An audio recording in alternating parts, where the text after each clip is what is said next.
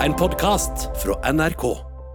Jeg hater at folk behandler meg som en stereotype, for da føler jeg meg som en stereotype. Og jeg hater den følelsen.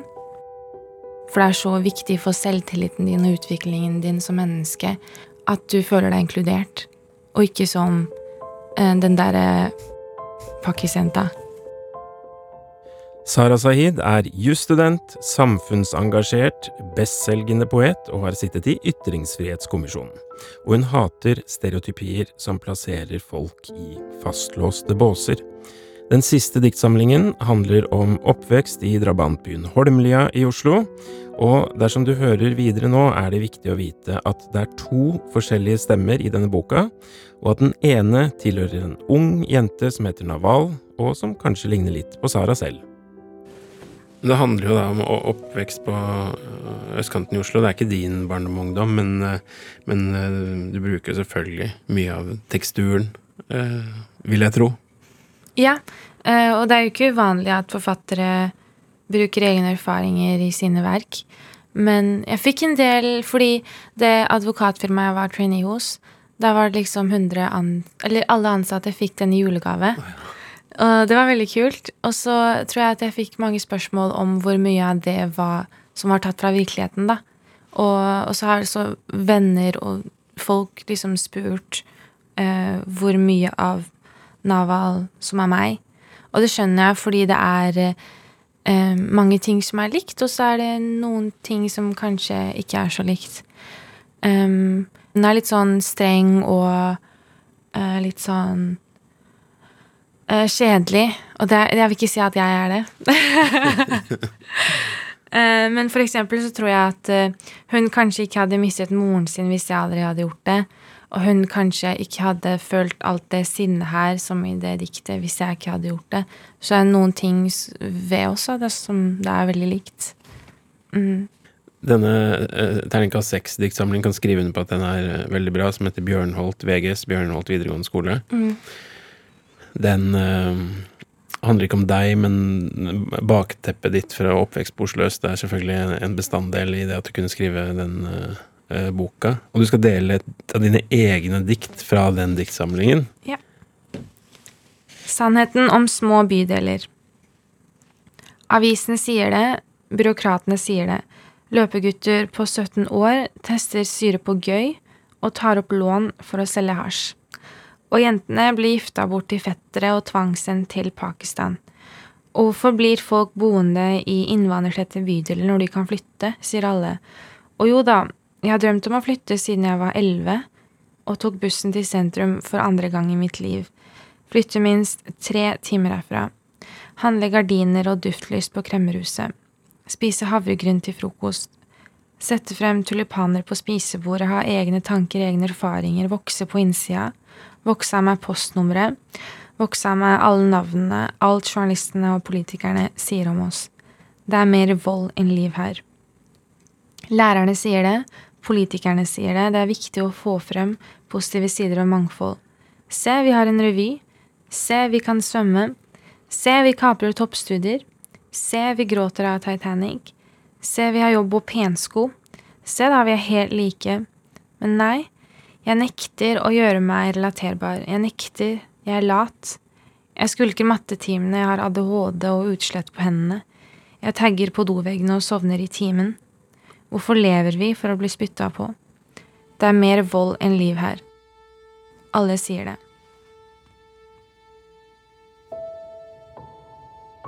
Det er liksom et slags underliggende eh, sinne som ligger i det.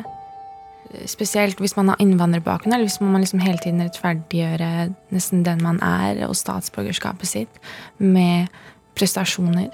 Ja. For å bli likestilt, da. Um, For jeg hadde lyst til å spørre deg om det er egentlig hva slags For jeg opplever veldig at det er en sinnstilstand som kommer til uttrykk i det her diktet. Og da er det sinne. ja.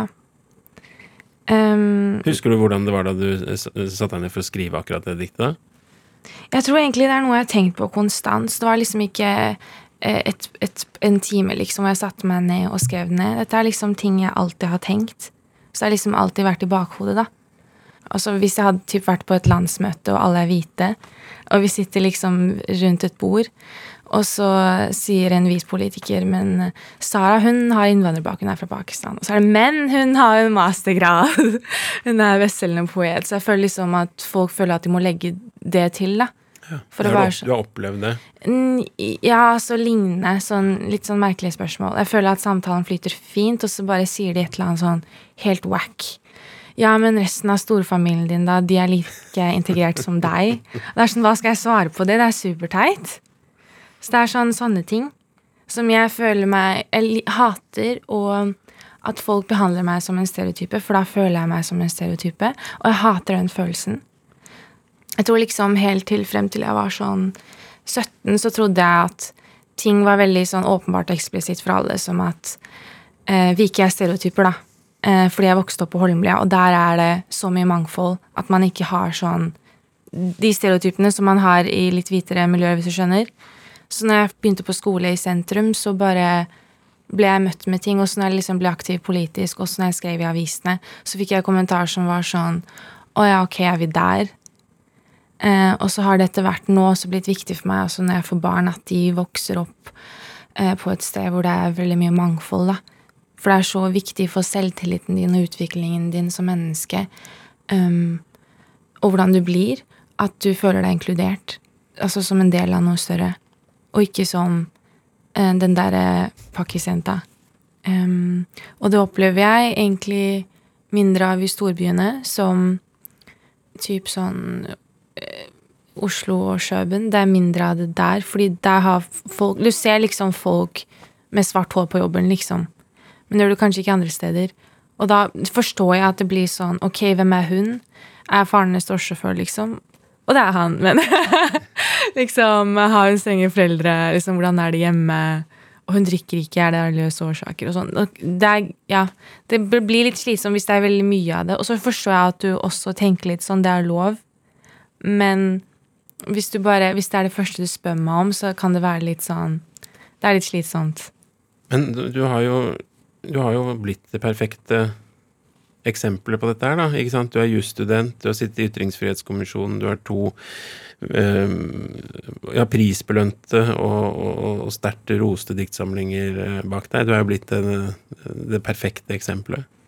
Ja, men samtidig så møter jeg likevel al Altså, alle vet jo ikke det. Jeg møter jo folk liksom ute på byen, et eller annet, som ikke vet hvem jeg er. Og da er jeg fort øh, bare en pakkismåte, hvis du skjønner. Så det vil jeg alltid være. For noen. Eh, og det er bare eh, Det har egentlig ikke så mye å si når jeg møter folk jeg ikke kjenner. Sånn, hvis folk setter meg i bås, så er det egentlig ikke mitt problem. Det er liksom noe de ikke har funnet ut av. Det er noe Altså, de har ikke De har lite erfaringer, basically, og det er egentlig ikke min feil. Det må de finne ut av sjæl. Sånn for å nevne et litt sånn ferskt eksempel. Jeg og venninna mi vi digger å dra til København, så vi var der i sommer nå. Og så var det en dude på et utested da, som sa sånn Ok, jeg skal gi deg et stort kompliment. Jeg syns du er veldig pen for å være fra Sør-Asia. Jeg ser nesten ingen pene folk fra Sør-Asia. Og da ble jeg helt satt ut. Jeg var sånn Hva er det du sier? Og så sa han sånn ehm, Jeg skjønner ikke at du reagerer sånn. Det er helt naturlig å si. Og så sa kompisen hans Ja, altså, det må jo være lov å si. Det er sant. Så det er sånn wack ting som folk plutselig sier. Eh, og det hadde ingen fra Oslo øst sagt, liksom. Men det Altså, det er sånn det er å bli satt i bås. Det er sånn Folk sier merkelige ting.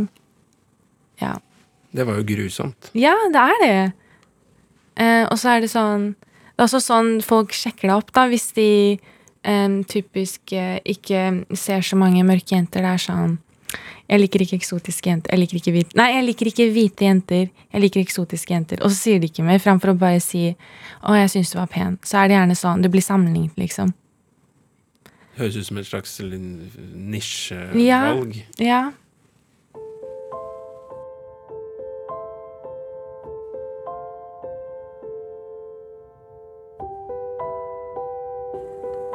Dette diktet 'Sannheten om små bydeler' Vi skjønner jo allerede fra start her at det er noe som skurrer. Sannheten om små bydeler. Er ingen som, ingen som har den.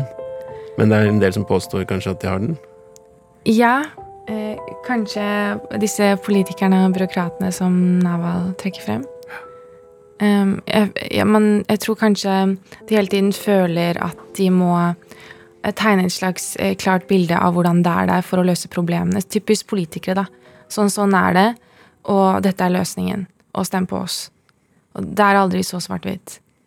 Det er historien om en jente som drømmer seg bort også, fra Oslo, Oslo øst. Vi flytter minst tre Ja. timer herfra, som det står. Ja. Og handler gardiner og duftlys på kremmerhuset.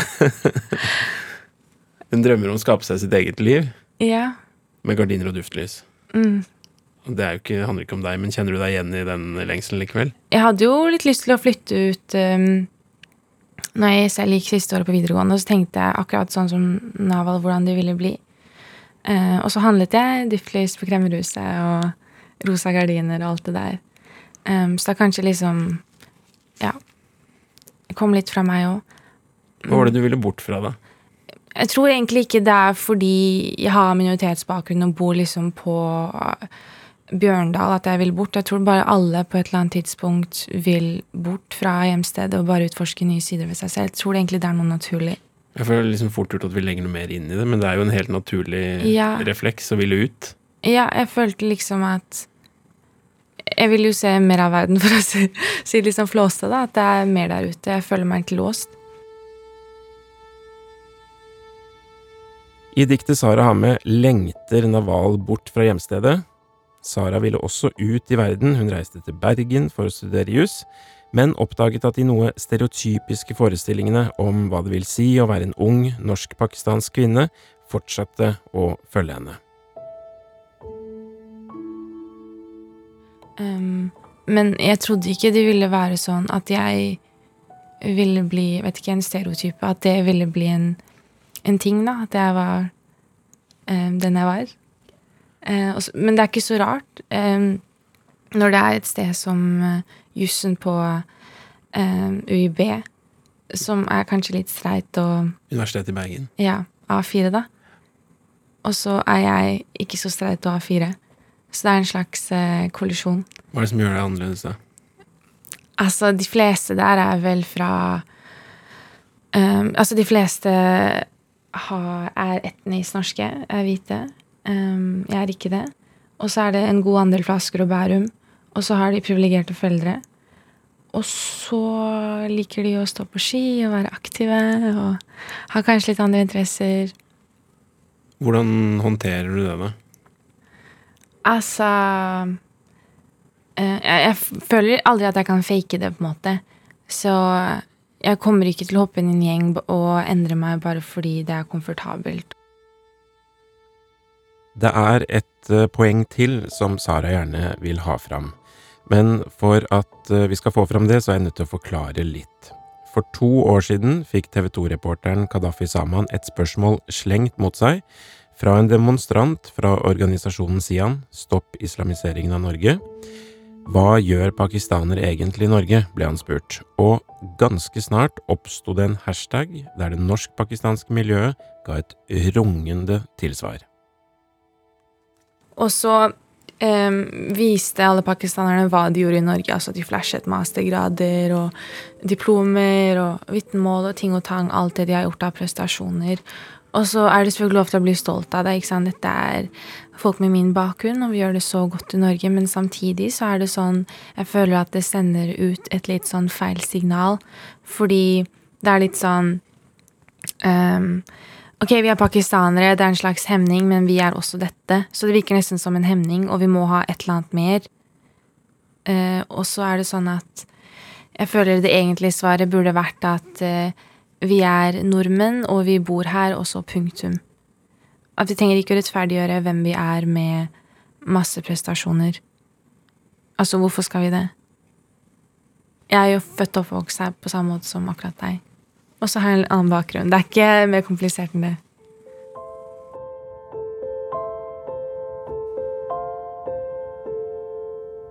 Tusen takk for at du kom, Sara Saeed. Da er det min tur til å lese diktet som du har skrevet, så da får jeg bare håpe at du aksepterer min versjon, da. Det går bra.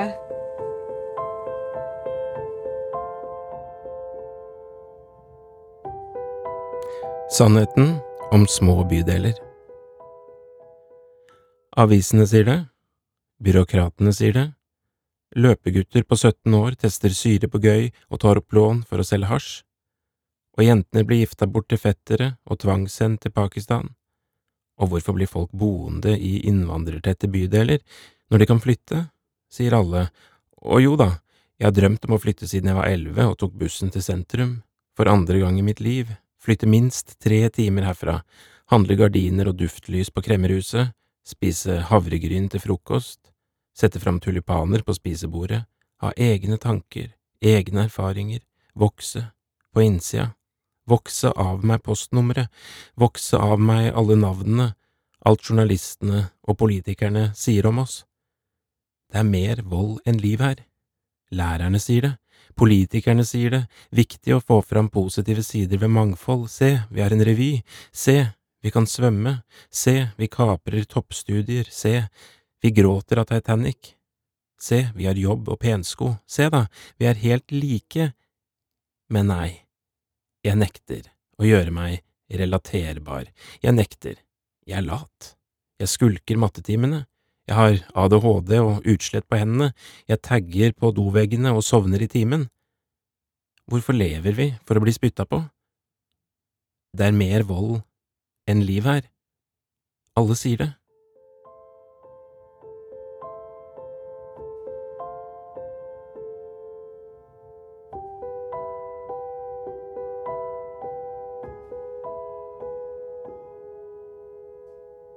Del gjerne denne episoden videre med en venn, og det gjør du meget enkelt inni appen NRK Radio. Der kan du også trykke stjerne og dermed følge oss, og aldri gå glipp av muligheten til å finne et nytt favorittdikt.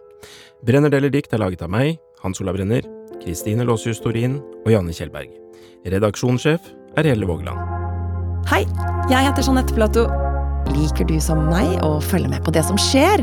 På sosiale medier, i film- og musikkverden. Du må lete i alle følelser, du må, du må se hva er det som er gøy her. Hver uke inviterer jeg gjester som tar deg med bak de store overskriftene og diskusjonene. Ja, jeg tror kanskje jeg lander på ja etter å ha hørt en time. Hør Arena i appen NRK Radio.